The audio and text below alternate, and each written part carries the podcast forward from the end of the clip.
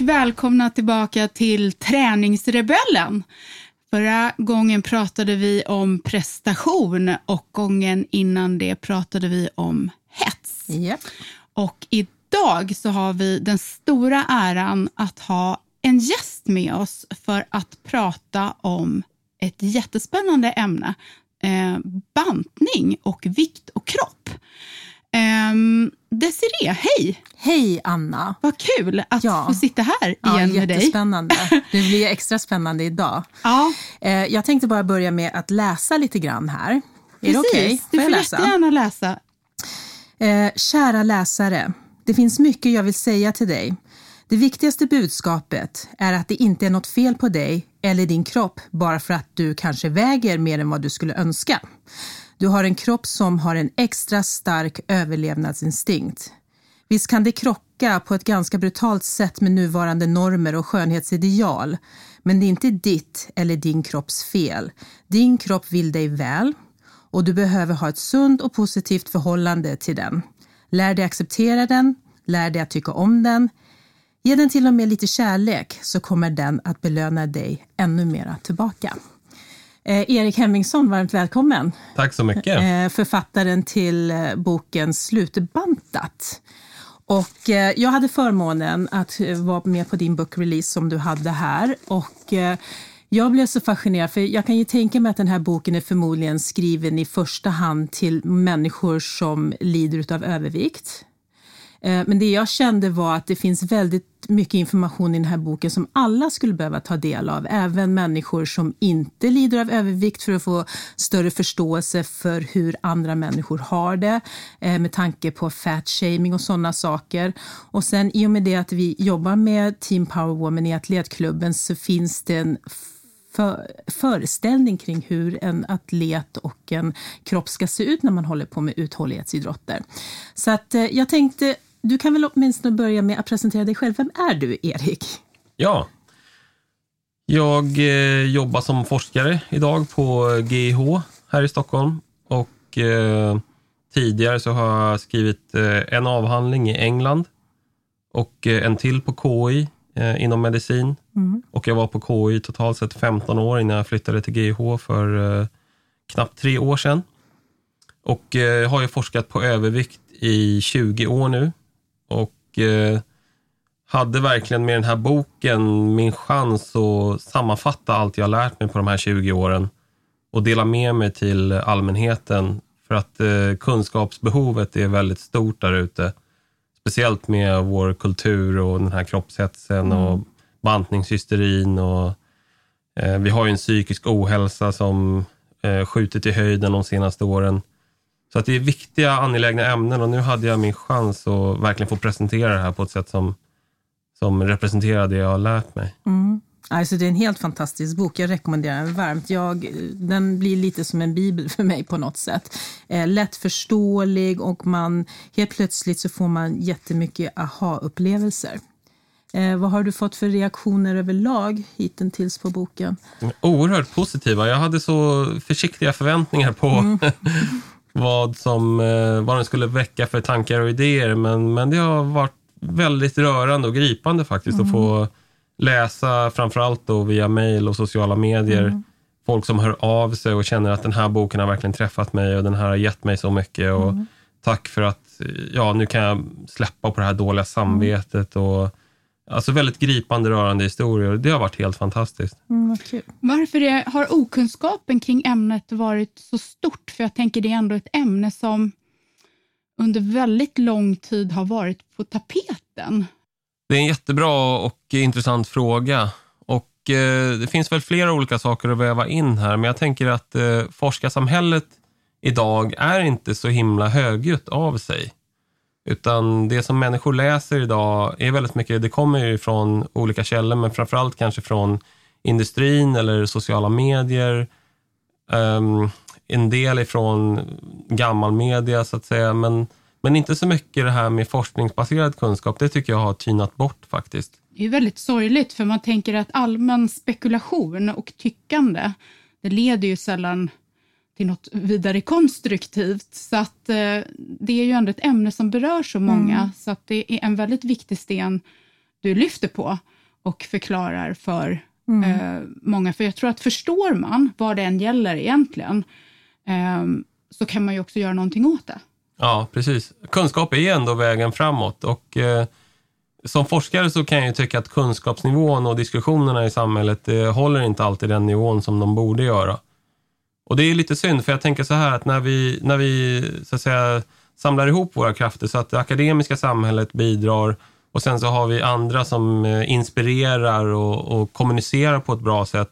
Då har vi en väldigt, vad ska man säga, positiv kombination där vi kan få ut våra budskap via kanaler. Alltså forskare är inte så bra på att kommunicera, det är bara att vara ärlig och säga det. Nej, och det är väl lite det som jag har saknat lite grann därför att forskning, forskare har stått på ena sidan så har du haft eh, den här glassiga median på andra sidan och liksom att kunna få den här kunskapen på ett förståeligt sätt.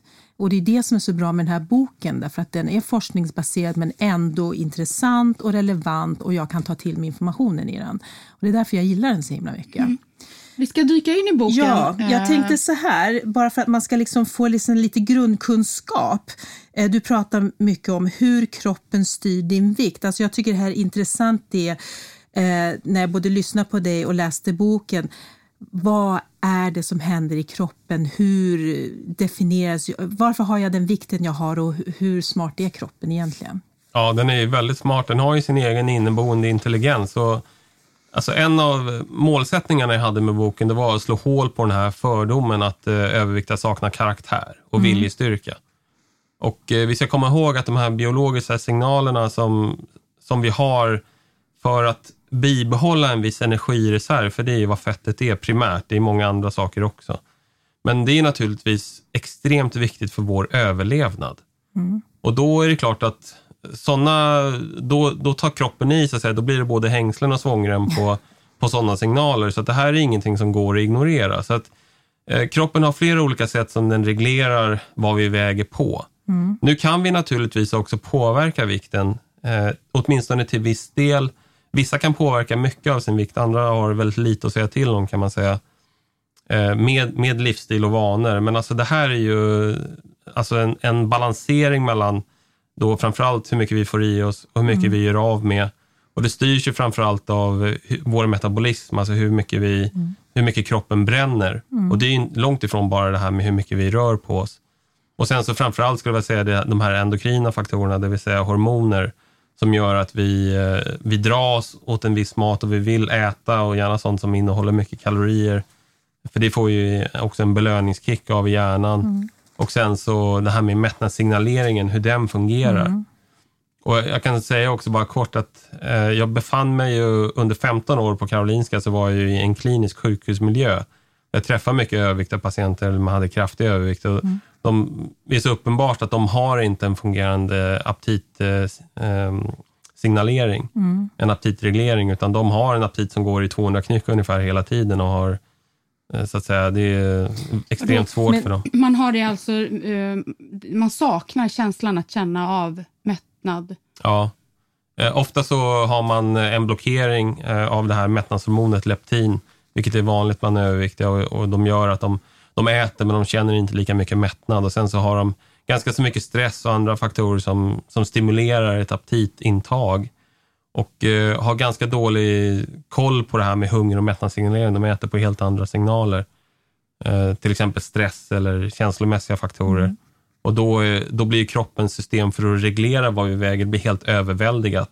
Och den här energin som, som man får i sig, den måste lagras upp någonstans. Eh, en viss del av det kan brännas bort, men det är det här som är regleringen av vad vi väger. Men är det så här, för man hör ju mycket, många PT och tränare säger kalorier in och kalorier ut. Mm. Eh, hur är det egentligen? Ja, det är en jättebra fråga. Det, det, det har ju varit liksom det övergripande mantrat i flera decennier. Och det ligger ju lite sanning i det naturligtvis. Men har man själv varit överviktig så, vet man, och testat det här med bantning så vet man att det inte fungerar. Och eh, alltså när vi får i oss mindre kalorier, då ställer ju metabolismen om sig så att den blir ju snålare. Så att visst, man kan påverka sin vikt kortsiktigt med att räkna kalorier och eh, träna extra och så vidare. Men alltså kroppen har ändå en förinställd vikt, en idealvikt som den vill befinna sig på. Och eh, vi kan avvika från den under kort tid, men sen så kommer kroppen aktivera olika försvar för att få tillbaka den här mängden energi som den hade innan. Så den är väldigt fiffig i kroppen på det viset, eh, tyvärr. Mm. Eh, och vi måste lära oss att leva med den kropp vi har. Mm. Men, men det här med, man sa förut att, att hålla på och banta, att man också då förstör Mm. eh, känslan för hunger. För att jag upplever att jag har många vänner faktiskt som inte känner av, eh, eller de har rättare sagt, tänker mycket på vad de äter, så att tänkandet kring ätandet tar bort den naturliga känslan för vad man faktiskt behöver ha i sig. Mm. Kan, kan, och jag blir lite ledsen där för att känner man inte att man är hungrig eller känner man inte vad man behöver ha i sig, att man behöver ha i sig ägg eller jag kan vara sugen på broccoli och det är ju inte någonting du vet ju att jag är världens godisråtta. Så att, att, när jag är sugen på broccoli så talar ju min kropp, har jag fått för mig, till mig att nu Ja. behöver jag broccoli eller rödbeta. Och det kan jag uppleva att det är lite avtrubbat. Kan Mm. du hålla med det? Absolut. Så i, idag så, eftersom det är så många idag som har ganska så störda ätbeteenden och eh, mycket är ju drivet av det här med kropps och utseendehetsen. Så förr i tiden när vi inte fokuserade på vår vikt överhuvudtaget, det var ju liksom ingenting som, det fanns inga sådana ideal eller möjligtvis lite grann inne i städerna. Men idag är vi ju så otroligt påpassade och du vet minsta lilla kalori måste vägas och äter man för mycket så får man ångest och då måste man gå ner och träna. Alltså det här är ganska störda beteenden. Alltså om man vågar ta sig själv lite i nackskinnet och liksom titta på hur, hur gör jag? Eh, hur mår jag i relation till mat, i relation till träning, i relation till mitt utseende? Så eh, det finns ju de som är nöjda med hur de ser ut och så vidare, men de, väldigt många idag är ju inte det. Och då får man de här störda beteendena som drivs mer av liksom en önskan om att se ut på ett visst sätt, vanligtvis. Eh, Det kan vara andra målsättningar också, typ prestera eller någonting sånt. Men eh, kroppens naturliga signaler är helt eh, åsidosatta. För, för önskan då, Ja. eller viljan att vara någonting Ja. annat. Och även faktiskt många andra faktorer som, som alltså att utsätta sig själv för upprepade bantningsförsök och man kanske använder ganska drastiska metoder som, som måltidsersättningar eller soppor och sånt där. Det kan ju också på tid, eh, alltså det blir ju en stress för kroppen. Det är som att säga till kroppen då indirekt att nu är det väldigt snålt med mat, och energi och näring. Då drar den ner på metabolismen. Så att man börjar frysa och, och liksom den vill spara energi. Men det är också ett slags eh, överlevnadshot kan man säga. Den vet ju inte att du ska bli, försöka gå ner lite grann till strandsäsongen eller någonting sånt. Eh, och då kan den ju också, om man håller på upprepade gånger så här, det kan man också förstöra för, eh, den här naturliga regleringen. Så att kroppen lagrar på sig extra energi istället. Mm, det var Därför- det jag tänkte på. Ja, För jag, jag, inte jag ser själv som min egen kropp som en brasa.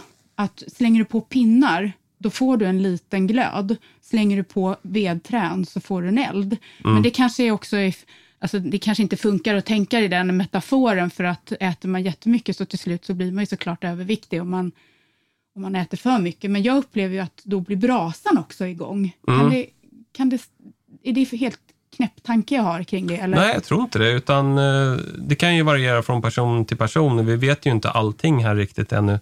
Men alltså det är ju otroligt vanligt att människor som håller på att banta sig genom livet, de får ju väldigt tråkig viktutveckling.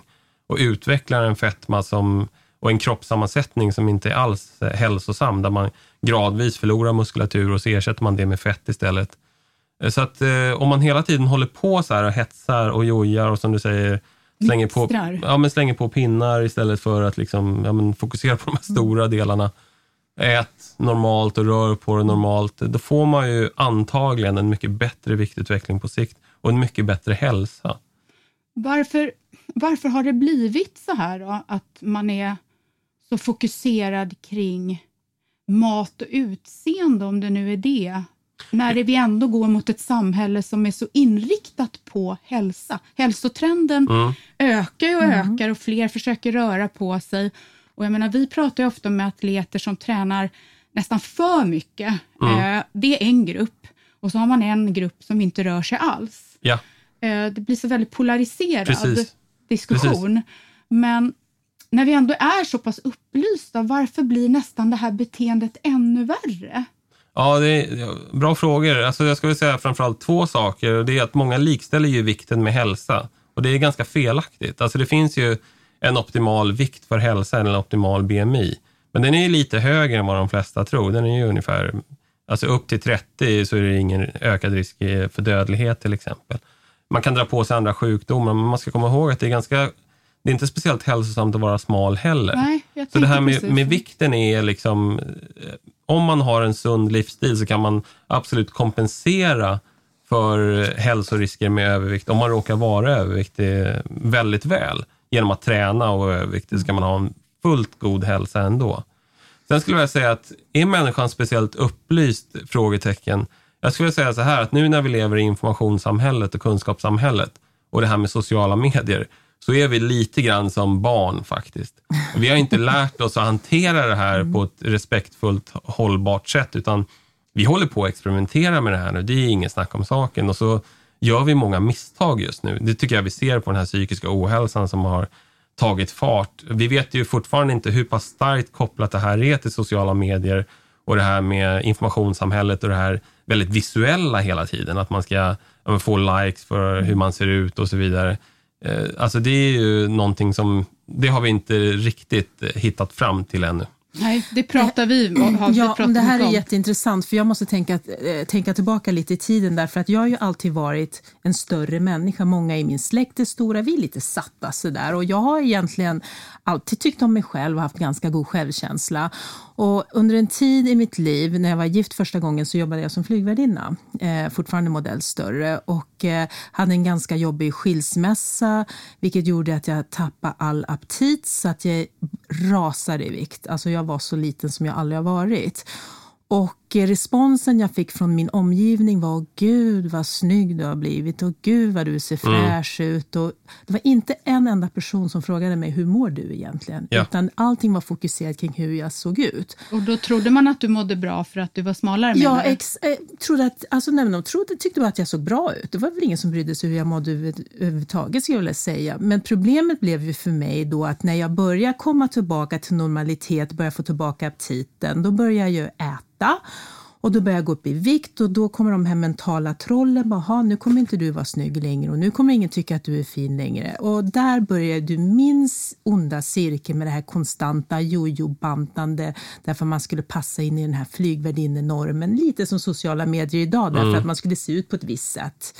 Eh, smal och snygg och höga klackar och helst blond också. Det lyckades inte heller speciellt bra med. Ja. Eh, Så att eh, jag kan förstå varför det är lite så här. Det är inte så lätt. Om man jämför sig med andra, man ska spegla den som står framför. Och, ehm, ja. Det finns ju en strävan eh, på sociala medier och det är som du säger att det finns ett väl, en ganska stor naivitet kan jag tycka inför det man ser. Och det finns egentligen inget ifrågasättande utan man köper saker rakt av. Eh, men ja, jag tycker sådär att vi kan väl gå in på vad är, vad är då en hälsosam kropp om man inte tittar på yta? Mm. Absolut, och det är det, som, det, det är det som är mitt perspektiv. Jag vet ju att svenskarna vill vara slankare, smalare, för det är ju sånt som de bombarderas av hela tiden och de här kommentarerna och smal är lika med snygg och så vidare. Så att, eh, men om vi kan få en diskussion om en, vad är hälsa istället? För att eh, eh, vi ska komma ihåg att det här med, ja, vikten och övervikten är, genererar en hel del ohälsa. Det är ju faktum.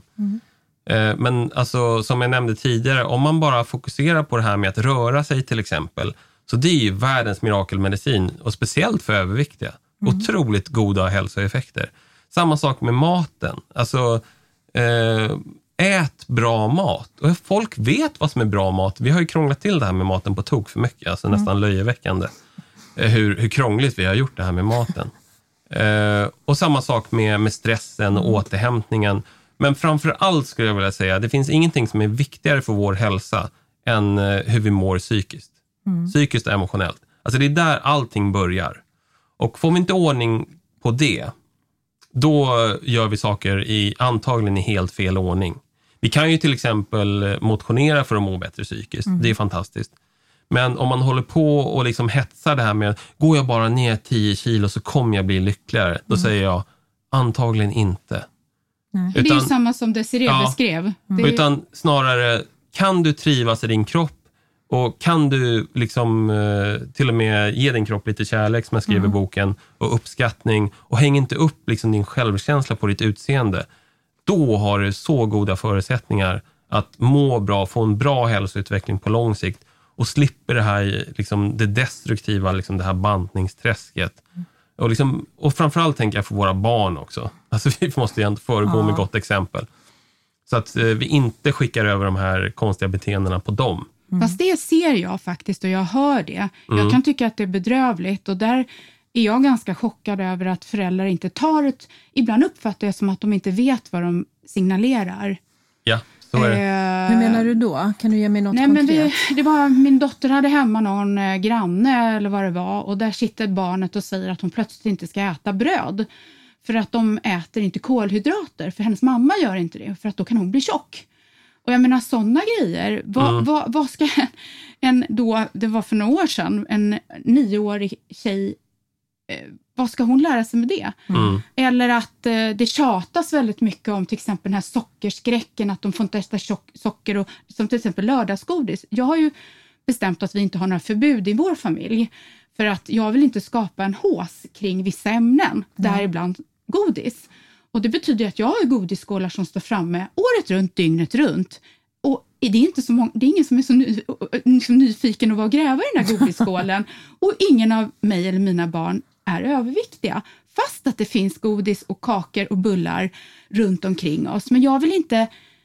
Liksom, jag Alltså vill, det där skulle inte funka hemma hos mig. För Varför hade jag en då? stor godisskål så skulle jag vara tvungen att fylla på den varannan dag. ja, men, ja. Eh, och, och Jag tror det är våra olika bakgrunder. Det jag har gjort så att det finns inte tillgängligt när jag har mina barnbarn hemma. Det finns nötter, och det finns russin och det finns torkad frukt. De vet precis vart allt det här finns. men det har vi också. Ja, men jag har inte, alltså de får inget socker utav mig. Mm. Därför att det är lite, för mig har det ju varit så att jag har ju slutat äta raffinerat socker i den grad det går. Så att jag äter inte godis, jag äter inte bullar, jag äter inte glass, jag äter inte de sakerna.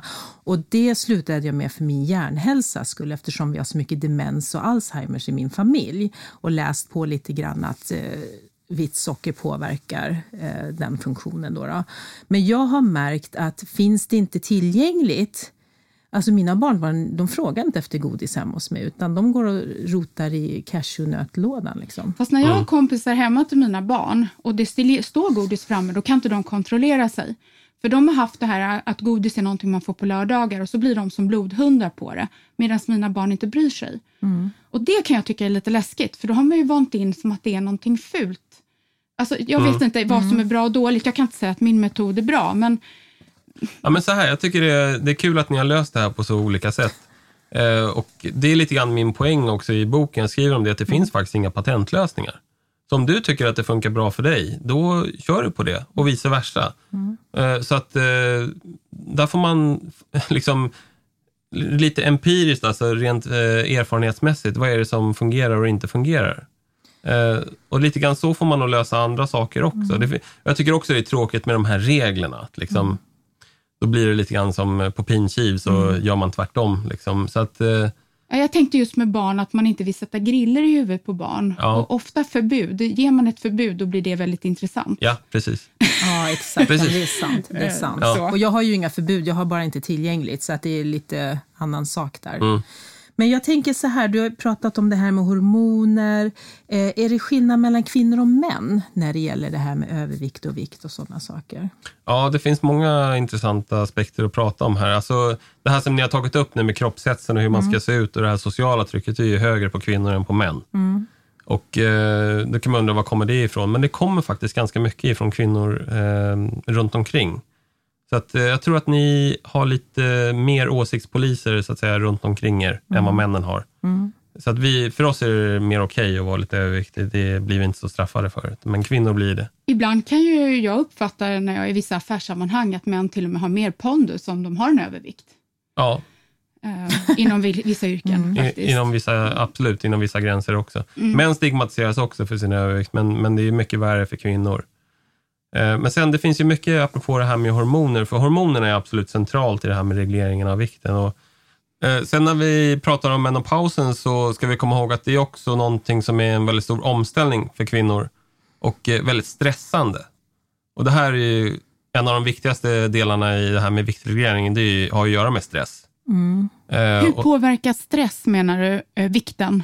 stress gör att vi enklare lägger på oss energi. Så att om man tittar på övervikt som en slags lök med olika lager på sig, då är det ju lätt att se de här yttre lagren, det är det vi ser. Men längst inne i överviktens kärna så har vi liksom en, en eh, riktig ordentlig dos med stress. Och stress kan ju definieras på många olika sätt, men alltså det här med uppväxtfaktorer tidigt i livet är ju sånt som gör oss känsliga för stress till exempel. Jag skriver ganska mycket om det. Eh, psykisk ohälsa är en annan form av stress, vanligt hos överviktiga. Alla har det inte, men många har det. Men vad Eh. är det i stressen som gör att man blir överviktig, menar du? Det är det också med- matbeteendet? Ja, det kan det göra, men det är också så att säga, eh, längre in så finns det ju det här med hormonerna. Eh, och stress eh, gör ju så att vi frisätter ett hormon som heter kortisol som är vårt primära stresshormon och som gör eh, att vi eh, enkelt lagrar in energi i kroppen. Det, vi lagrar energi mer effektivt när kortisol är så att säga, i, i, i rullning. Jag förstår. Och det samverkar också med det här eh, hormonet insulin som gör att socker kommer in i cellerna och som gör att vi får en mer effektiv fettinlagring när vi är stressade. Så många kan säga så här att om de går igenom en väldigt stressfull händelse så, eh, så är det ganska lätt att man lägger på sig energi trots att man har inte ändrat sina vanor överhuvudtaget. Utan det är också ett sätt för kroppen att säkra överlevnaden. Vad kan den göra när vi är stressade? Den kan lägga på sig en energireserv. Så övervikt är extremt relaterat till stress. Men man ska också lägga in, jag ska, kan lägga in en brasklapp här, att det finns många olika vägar att bli överviktig på. Men stress är nästan alltid med i den ekvationen. Vad skulle du ta som nummer två? Om, vad är det som kan göra att man blir överviktig annars? Jag skulle säga framförallt i kombination med vår nuvarande miljö där den här skräpmaten, den här ultraprocessade skräpmaten är så otroligt vanlig, enkel att få tag på och billig, den är så tillgänglig den bara kan bli. Så eh, kombinationen av stress och den här ultraprocessade skräpmaten är det, är det som är absolut värst för mig och eh, som driver det här mer på samhällsnivå. Vad är det som gör att den här ultraprocesserade maten är så farlig som den är? Ja, den är ju gjord för att eh, alltså vi dras ju, den är väldigt laddad med kalorier, den innehåller mycket energi. Den har många olika tillsatser och smakämnen. Den är otroligt utstuderad för att få oss att vilja äta mycket mer än vad vi behöver. Egentligen behöver vi inte det där överhuvudtaget. För det är bara kalorier utan näringsämnen. Eh, och den är väldigt hårt marknadsförd. Jag menar, titta på, liksom, och speciellt då till barn, vilket är helt eh, ja, fruktansvärt att det är så. Men liksom, då är det svampbob på kexpaketen Ja. och det är glada tigrar på frukostflingorna som är fullkomligt överösta med socker och det är inte ens någon majs i de där flingorna i alla fall. Så, det, så att det, det är fullkomligt eh, omöjligt för kroppen att reglera energierna när vi liksom överöses av så mycket energi. Alltså den måste lagras in. Samtidigt som vi också, tycker jag, idag är medvetna om det. Det var ju lite som när solarier kom eller mina föräldrar satt och rökte när jag var liten bebis och sådär. Man visste inte bättre. Men Ja. jag är ändå lite fascinerad över, för idag vet vi ju faktiskt att sån här typ av mat faktiskt inte ger brän- bra bränsle. Men varför äter vi den ändå? då? Ja, det är, jag, jag ställer mig den frågan också. Ja, men det är ju, jag, menar, jag trillar ju dit på det här också. Jag skriver i boken lite grann. Jag hade varit och föreläst i Köpenhamn. Det hade varit en ganska stressig dag. Jag träffade en professor där nere, Torkild Sörensen, som jag, vars forskning jag har följt i många år. Så bjöd Torkild in mig att föreläsa i Köpenhamn och så gjorde jag det. Så på planet hem så köpte jag en stor chokladkaka för jag bara, det här stresspåslaget liksom och äntligen kunna få slappna av lite grann. Så att, det är ju starka biologiska signaler. Jag sitter ju bara och skrattar åt mig själv på planet. Liksom. Herregud, nu har jag trillat dit. Men, men alltså det är, det är svårt alltså. Och speciellt du vet, eh, på en flygplats, just det är så larvigt. Man måste gå igenom den här taxfreen. Och det illustrerar ändå vårt samhälle där ute också. Jag menar, du kan stå och tanka bilen och så blir du erbjuden att köpa två påsar skumtomtar för 10 spänn. Ja. Eller du vet, alltid en korv för en femma när du tankar. Eller liksom, det är så absurt, det är överallt. Och människor som, är, som har lätt att gå upp i vikt och liksom kanske har med sig mycket av det här från barndomen. Eh, vi är väldigt sårbara för allt det där. Och jag tror att det är väldigt svårt att förstå faktiskt för människor som, som inte har så att säga, en viktproblematik överhuvudtaget som, och som kan äta vad som helst ut, utan att gå upp ett gram. För dem är det här svårt att förstå. Men, men alltså har man den här sårbarheten så trillar man dit. Det finns, det finns två grejer som jag i sociala medier faktiskt eh, har väldigt svårt för, två uttryck. Det är bland annat ett som är unna sig och sen trösta sig med mat. Och Det ena är som att det, man måste föregås med en plåga för att man sen ska få unna sig, typ träna och sen ska man få äta muffins. De två grejerna tycker jag Ja. inte har någonting med varandra att göra överhuvudtaget. Jag förstår inte ens den kopplingen. Ja. Likadant att eh, när man mår dåligt så ska man trösta sig med att äta. För mat, mat har ju blivit som en tröst, men jag, kan, jag har aldrig haft det. Så jag har väldigt svårt att Jag förstå fattar varför. att man kan ta mat som ja, men en tröst. varför ska man trösta sig med mat? Kan man inte trösta sig med en kram? Jo, men alltså... Nej, men du är alldeles ensam där och jätteledsen och så tar man sin chokladkaka och, och tittar på någon film och så eh, utlöses massa saker i kroppen. Jag vet inte vad det är för hormoner, men Mm. Ja, man visst. känner liksom att man mår bättre. Ja, visst. Jo, men det är klockrent. Alltså, det har med hjärnan och belöningssubstanser att göra. Så att, visst funkar en kram också, eller åtminstone delvis, men, men det här är ju någonting som...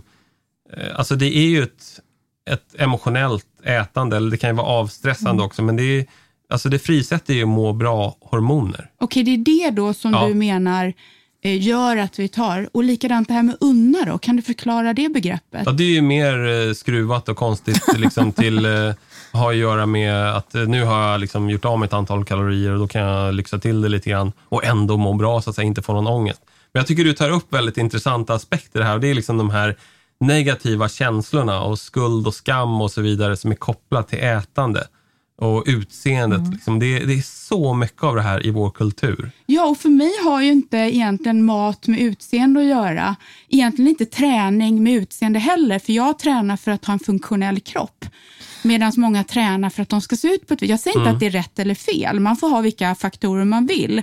Men just det här unna-begreppet som jag ser jättemycket av i sociala medier, då planterar man ju in ett skuldbeteende. Precis. Och, och, och då går man ju runt med att alltid ha dålig, dåligt samvete egentligen. Exakt.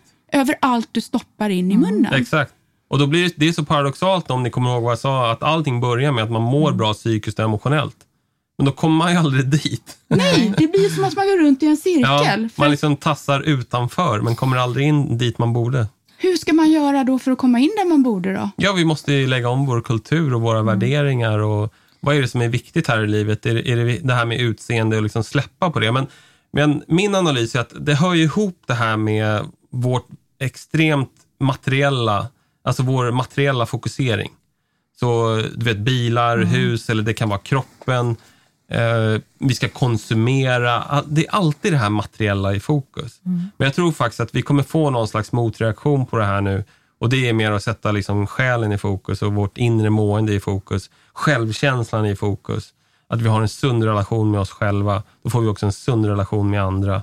Och, och, och liksom kommer vi inte dit så, så kommer vi vi kommer inte lösa våra problem genom att konsumera mer eller spegla oss mer. Eller, vi måste hitta en frid i oss själva först. Men det är en Ja. jobbig väg att vandra för många för att det är mycket jobbigare att göra det Mm. än att gå och köpa sig en chokladkaka. Ja. Nej, men sen är det ju så här också att det är jättesvårt. Alltså, Erik skrev så himla bra i boken att du måste lära dig att älska din kropp för du har bara en. Alltså, du måste ta hand om den du har. Och jag som har haft jättejobbigt med min egen kropp och hur jag sett ut eftersom den har gått upp och ner, så hände en sak att eh, när jag var uppe på fotografering med dig så tvingade du på mig en bikini. Och jag tyckte att det hängde saker överallt utanför den här bikinin. Och så står Anna och bara tittar, gud vad du är fin, säger hon. Och då följer jag inte alls någon norm, utan, och jag såg på dig att du menade det. Ja, du, du är ju så Ja, vacker. och då är det så här att, ja men gud jag är vacker fast jag har en liten fluff här och en litet muffins där och ja men vad fasen. ja, visst. Jag kan fortfarande springa två mil och jag kan göra en Ironman och Fast det är Alltså- nästan ingen jag vet som glimrar så mycket som du gör. Så det, och det spelar ingen roll hur Men du ser det ut. har varit en jätteresa att komma dit och det är väl det som är så Ja. svårt för att man kan säga att man ska älska och acceptera sig själv men det är inte så lätt med allting som händer utanför. Jag måste ju fortfarande jobba med mig själv i den här frågan.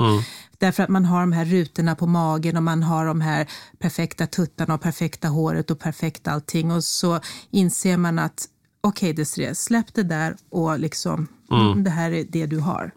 Mm. Men det är Ja, verkligen. svårt. Jag vet att det är svårt. Det, det är lättare sagt än gjort och vi får ju med oss mycket av det här ifrån barndomen och vi måste larra om så att säga. Men, men det är lite grann också därför jag skrev boken, att många som, som har det här missnöjet Mm. med sitt utseende att, och håller på med bantning och liksom sitter fast i det där, att liksom, ja, men lägg av med det och jobba Mm. lite med de här inre delarna istället. Och, och liksom se det som en resa, att det får vara ett steg i taget. Mm. Jag tror inte det är någonting som man kanske, du vet, vi kanske inte kan förvänta oss att gå helt och hållet i mål på det här. Nej. Men vi kan ta steg åt det hållet. Jag måste få fråga en annan sak. I och med det att vi ändå pratar med folk som tränar ganska mycket så läser man ofta att ja, nu måste jag börja deffa inför tävlingssäsongen. Man ska gå ner fem kilo för att man ska bli lite lättare, för man ska kunna springa lite fortare. Just det här när man håller på att deffa, när vi pratar bara om en kanske fem kilos upp och ner. Hur påverkar det kroppen? Är det någonting som vi behöver ta med oss och tänka på kring? Eh, alltså, så, alltså, idrottare som håller på med ganska så extrema mål, det är ju väldigt disciplinerade, kapabla människor oftast. Och eh, i det här fallet skulle jag tro att det är inget problem på Nej. något sätt. Men det hänger också på vilka metoder man använder. Och eh, ska man göra en sån förändring så, så gör det igen, var extra noga då med att äta bra mat, alltså med högt näringsinnehåll och, och liksom sköt träningen och sömnen och, och stressen och så vidare. Och du gör inte det här för att straffa din kropp eller för utseendet, utan du har en, en annan grund, en, en annan motivationsgrund. Mm. Jag kan se ett större, en skillnad där när vi pratar med då, eh, professionella atleter som gör det här medvetet, som du säger, medan amatörer ibland kan vara på gränsen där det faktiskt de, många kvinnor, vi lyssnade på en podd igår faktiskt, där det var två, tre atleter som pratade kring mat och vikt och, och träning, att eh, man inte så att säga eh, äter tillräckligt som kvinna som tränar, att det var ett, en stor skillnad mellan män som tränar. Och det tycker jag att vi Just ser det. också eh, när vi tittar på våra sociala medier, att många kvinnor de, de äter inte tillräckligt. De kan sitta på en cykel Nej. i tre timmar och sen så visar de det de har ätit. Då är det ett ägg och tre salladsblad. Ja, precis. Ja. Ja. Så att det finns en ganska stor problematik i, i, ett, i, i en undernäring, eller vad man Mm. ska säga. Också. har du någon information om det? För att det är inte bra att vara överviktig, men det är inte bra väl att vara åt andra hållet heller. Nej, precis. Så, alltså, det är ju så lätt hänt om man går och liksom nagelfar minsta lilla salladsblad och får ångest om man äter lite för mycket och så vidare. Men, men alltså vi, vi ska komma ihåg att maten, det, vi har ju ett fundamentalt näringsbehov. Och eh, ja, om vi börjar slarva med det, då kommer, vi, då kommer det komma en nota på det också, eh, som inte är speciellt bra. Nej, för jag ser ju det att ofta de som håller på så, det blir stressfrakturer, det blir skador, eh, det blir ju andra saker Ja. och sen att man till slut inte egentligen kan prestera. Nej, Och det kan jag fascineras över att många kvinnor äter så dåligt Mm. näringsinnehåll när de ändå förväntar och sätter krav på sig själva att kunna göra en bra prestation. Mm. För att i min värld går det inte att göra en prestation om du inte har Alltså har du inte fyllt Ferrarin med jädra Mm. bra bränsle, då spelar det ingen roll att du har en Ferrari, för den kommer inte köra bra ändå. Då kan du inte räkna med mer att vara en typ en drabant. Nej, helt rätt. Alltså, de, som, eh, de som idrottar väldigt hårt och målmedvetet, de behöver vara väldigt noggranna med vad de äter. De flesta är ju medvetna om det. Men, eh, men visst finns det de som slarvar och då kan man ju få problem na- naturligtvis åt andra hållet också. ja, verkligen. Men då, undrar, då tänker jag så här, en atletkropp, alltså nu pratade vi om det här, man måste komma bort ifrån det här hur man ser ut, men trots allt så finns det typiska maratonlöpare ser ut på ett visst sätt och typiska triatleter ser ut på ett visst sätt. Men så tänker jag så här, eh, många i våran klubb kanske inte ser ut som den här klassiska. De är duktiga på det de gör, men ser inte deffade ut fast vi vet att de tränar mycket, har jättemycket muskler och är jätteduktiga på det de gör. Vad kan man ge dem för tröst eh, i att de inte ser ut som den klassiska triatleten eller maratonlöparen? Ja, alltså jag tycker att man ändå ska vara ganska så nöjd om man kan hålla en sån hög nivå. Och eh, speciellt om man har passerat eh, 40, 50, 60 års åldern eller någonting sånt. Man ser det här, när, oftast då en, en livslång motionär som har, på en väldigt hög nivå. Så, så ska man ändå vara väldigt nöjd eh, och eh, släppa det här med att man måste se ut som, vad vet jag, den typiska maratonlöparen, 35 år gammal. Så att det är inte viktigt och det är inte så viktigt för prestationen heller, utan Alltså det finns fettdepåer här och där och eh, det kan vara lite unikt var de sitter någonstans. Men, men det är ingenting som stör hälsomässigt, borde inte störa prestationsmässigt heller. Utan om man ska vara ärlig så är det nog, ligger en del fåfänga i det där också. Att man, eh, du vet, måste man se ut på ett visst sätt. Och Det är också en kroppssätt. Va? Det är framförallt, liksom, och priset är ju ändå mot en själv så att säga. Att, eh, är du din kropp eller är du någonting mer än så? Och då tycker jag att vi måste titta liksom bortom kroppen. Och ingen är sin vikt, ingen är sitt utseende, utan den vi är, den sitter innanför allt det där. Det där har jag tänkt mycket på, för att jag anser ju liksom inte, att kroppen är ju egentligen bara en materia. Mm. Eh, det är ju egentligen i, i, i, det, det är ju inte mitt jag. Nej. Det kanske låter konstigt, men eh, jag, jag tänker faktiskt inte så mycket själv på min kropp. Nej. Eh, den är liksom med mig, men jag tittar liksom inte i spegeln så mycket och det, det är som det är. Mm. Och jag är ju mycket för energisparande, att det du inte kan göra någonting åt, som är vädret, det kan du inte göra något åt. Sen förstår jag att viss övervikt är inte heller, som vi har pratat om, när det blir för, jag tänker på blodkärl, in, det måste finnas vissa leder och eh, alltså det blir skadligt Mm. med för hög. Eh, och där behöver man väl kanske reducera vikten i vissa fall, Mm. som när du har jobbat på Karolinska. Finns det ändå inte några metoder som funkar? Eh, magsäckskirurgi fungerar ju på lång sikt hos eh, de flesta som opereras. Men, men igen, alltså kroppen är väldigt svårlurad. Så Vad det, menar du med det? Det, ja, det är lite grann som pendeln svänger fram och tillbaka. Så att det finns ju biverkningar, ganska allvarliga biverkningar av kirurgin. Så att det är också kroppens sätt att tala om för att det här har du inte löst på något speciellt klyftigt sätt. Utan eh, nyckeln till allting ligger ju ändå i att förstå sig själv och förstå varför man har blivit överviktig. Och det skriver jag ganska mycket om i boken, att det handlar mycket mer om än bara kalorierna, utan det är mycket det här med stress och uppväxtfaktorer och vanebildning tidigt i livet. Eh, Men även sådana saker som hur din mamma hade det när hon var gravid med dig, till exempel. Alltså viktig programmering som sker redan tidigt i livet. Men när du jobbar med överviktiga personer, vad, har du någon metod då som man får gå igenom? För att det låter ju ändå, tycker jag, väldigt hoppfullt. För det låter ju som att man kan ändra sin egen inställning och faktiskt få ett framgångsrikt resultat. Ja. Skulle du säga att det är så? Men då måste man ju göra vissa, om det nu inte är att banta eller inte ändra egentligen, till viss del ändra kosten då eller börja träna lite. Men vad är det annars man liksom måste göra? Ja, bra att du frågar det där, för jag tycker det är ett väldigt viktigt budskap för lyssnaren att ta med sig. Och det, det som jag har sagt förut, att eh, var inte så fokuserade på vikten och utseendet, utan eh, fundera på så att säga, varför du har blivit överviktig och, och våga gå lite mer på djupet eh, än bara titta på kalorierna. Och sen så alltså, ägna dig åt de här positiva livsstilsförändringarna, alltså röra på sig regelbundet, eh, ät bra mat, sov ordentligt, för det är väldigt viktigt. Eh, ge dig själv tid till återhämtning om, om du har stressigt. Fundera på vad det är som stressar dig i livet, så att du kan undvika det. Och sen så framförallt att du mår bra psykiskt och emotionellt. Om du gör de här delarna, och jag vet att det är ganska mycket att jobba med där, men låt det ta tid och ta ett steg i taget, eh, så får du väl se vad som händer med vikten.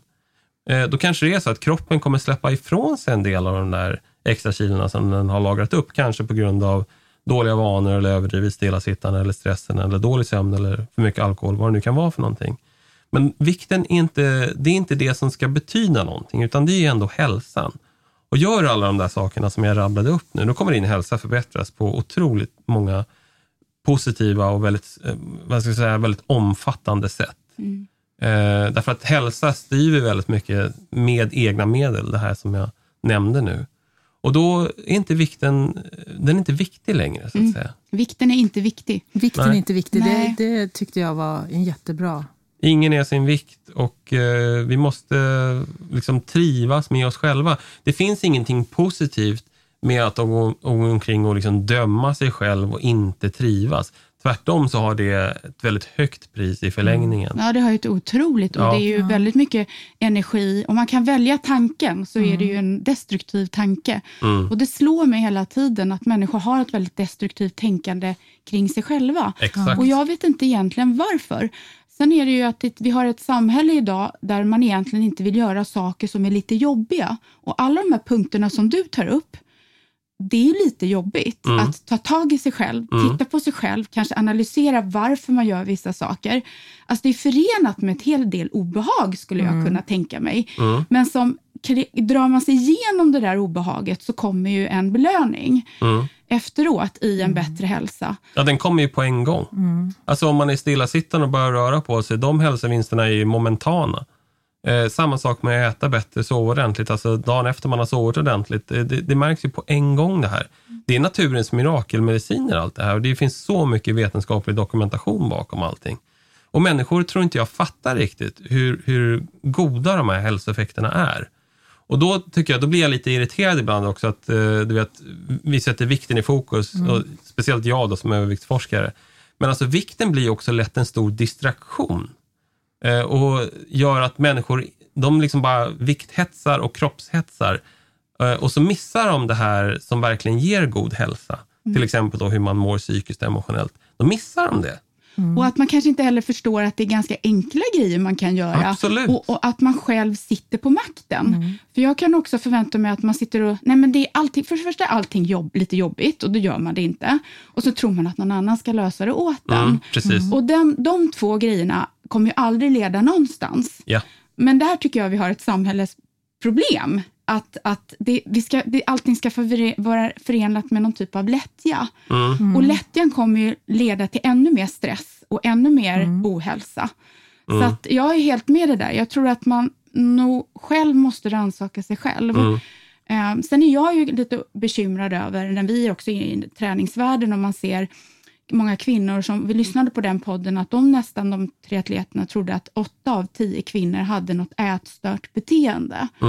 Mm. Och det kanske du har mer vetenskaplig fakta runt, men det är ju hemskt om det är så många kvinnor som går runt och Mm. har, ett, ett, har mer eller mindre en sjukdom. Ja, ja men jag, jag, jag brukar liksom, när jag föreläser ibland för studenterna så brukar jag dra en liknelse om att om det kom en utomjording i något flygande tefat och så kom, kom de och titta på hur människorna lever sitt liv.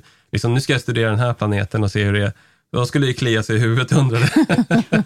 hur kunde det gå så här snett? Hur, kunde, hur kan människorna ha gjort maten till ett sånt stort problem exempelvis? Som vi har gjort. Eller hur, hur kommer det sig att de håller på och är missnöjda med sina kroppar på det här viset? Ja, när det finns så mycket annat som Ja. man egentligen kan lägga tid och energi på. Ja, precis. Så det fascinerar mig varje dag, hur man kan välja.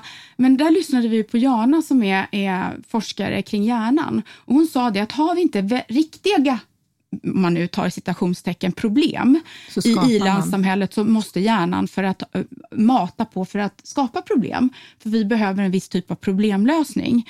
Och då kanske man hamnar i det här att man inte springer milen under 40 minuter, att man inte har den perfekta kroppen eller, eller kanske med mat. Jag vet inte, det kan ju vara, är man på savannen i öknen så kanske man är rädd för att det kommer en tiger och jagar en och då är det ett större pro- livsavgörande problem. Jag vet Ja. inte om du kan hålla med om Nej. att vi kanske har för lite riktiga problem, för samtidigt så har vi... Men, alltså, Ja. jag, men men jag tror också att det är liksom, alltså jag behöver bara tänka tillbaka till mig själv. Det är ju inte så enkelt därför att om man dras med övervikt, det handlar inte bara om övervikten, kläder är inte gjorda för överviktiga, ingenting passar, man får inte plats i vissa säten. Så att jag, jag, jag förstår också varför det blir ett problem.